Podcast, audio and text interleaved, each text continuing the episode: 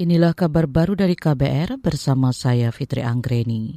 Presiden Joko Widodo menyebut ada peluang di balik krisis pangan dunia. Krisis mendorong inovasi dan terobosan untuk mengatasi persoalan, salah satunya dengan membangun lumbung pangan. Hal itu diungkapkan Jokowi pada acara Dies Natalis ke-60 IPB Bogor hari ini. Ada kesulitan, ada krisis, tapi itu juga bisa menjadi sebuah peluang, bisa menjadi sebuah kesempatan, sehingga nantinya bisa justru meningkatkan kesejahteraan petani kita, mensejahterakan nelayan kita. Karena ada kesulitan-kesulitan yang tadi saya sampaikan. Presiden Jokowi menuturkan suatu hal disebut inovasi di sektor pangan jika bisa meningkatkan produksi dalam jumlah besar atau signifikan. Kita ke soal lain, saudara. Menteri Pariwisata dan Ekonomi Kreatif Sandiaga Uno menyatakan kebakaran di kawasan Gunung Bromo harus menjadi evaluasi menyeluruh. Menurut Sandiaga, pelaku yang menggunakan flare dan memicu kebakaran bisa didenda miliaran rupiah sebagai efek jera.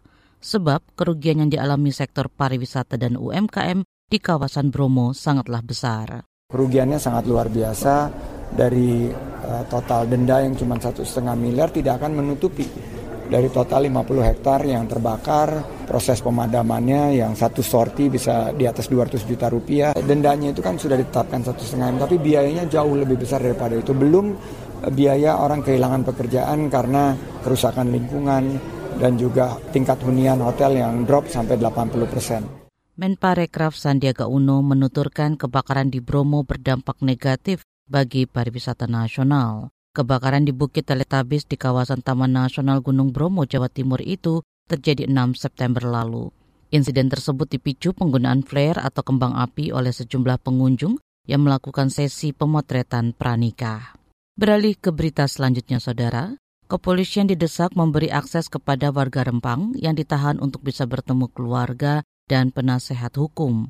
Tim advokasi dari LBH Mawar Saron Batam mengarasi jabat mengatakan pihaknya sulit memberikan pendampingan kepada warga yang ditahan. Sampai sekarang kita masih berupaya untuk mendapatkan akses bisa berjumpa dengan mereka. Walaupun ya polisi terkadang bilang mereka lagi sibuk, lagi fokus pemeriksaan dan sebagainya. Tapi menurut hemat kami langkah baiknya sih akses untuk para yang diamankan itu atau tersangka itu aksesnya juga dibuka untuk mendapatkan kunjungan dari keluarga maupun mendapatkan bantuan hukum kan, dari advokat ataupun pengacara yang ingin berjumpa dengan mereka. Nah hak hukum mereka juga. Mangara mengatakan saat ini dari 43 warga yang ditangkap, 16 orang ditahan di Polda Kepulauan Riau. Sementara berdasarkan hasil pemeriksaan, tujuh orang telah dijadikan tersangka. Khusus Polresta Barelang, kata Mangara, ada 28 warga yang ditangkap. Sebanyak 26 di antaranya ditetapkan sebagai tersangka. Sebelumnya, unjuk rasa penolakan warga terhadap proyek Rempang Eco City berujung pada aksi represif aparat dan menimbulkan korban luka.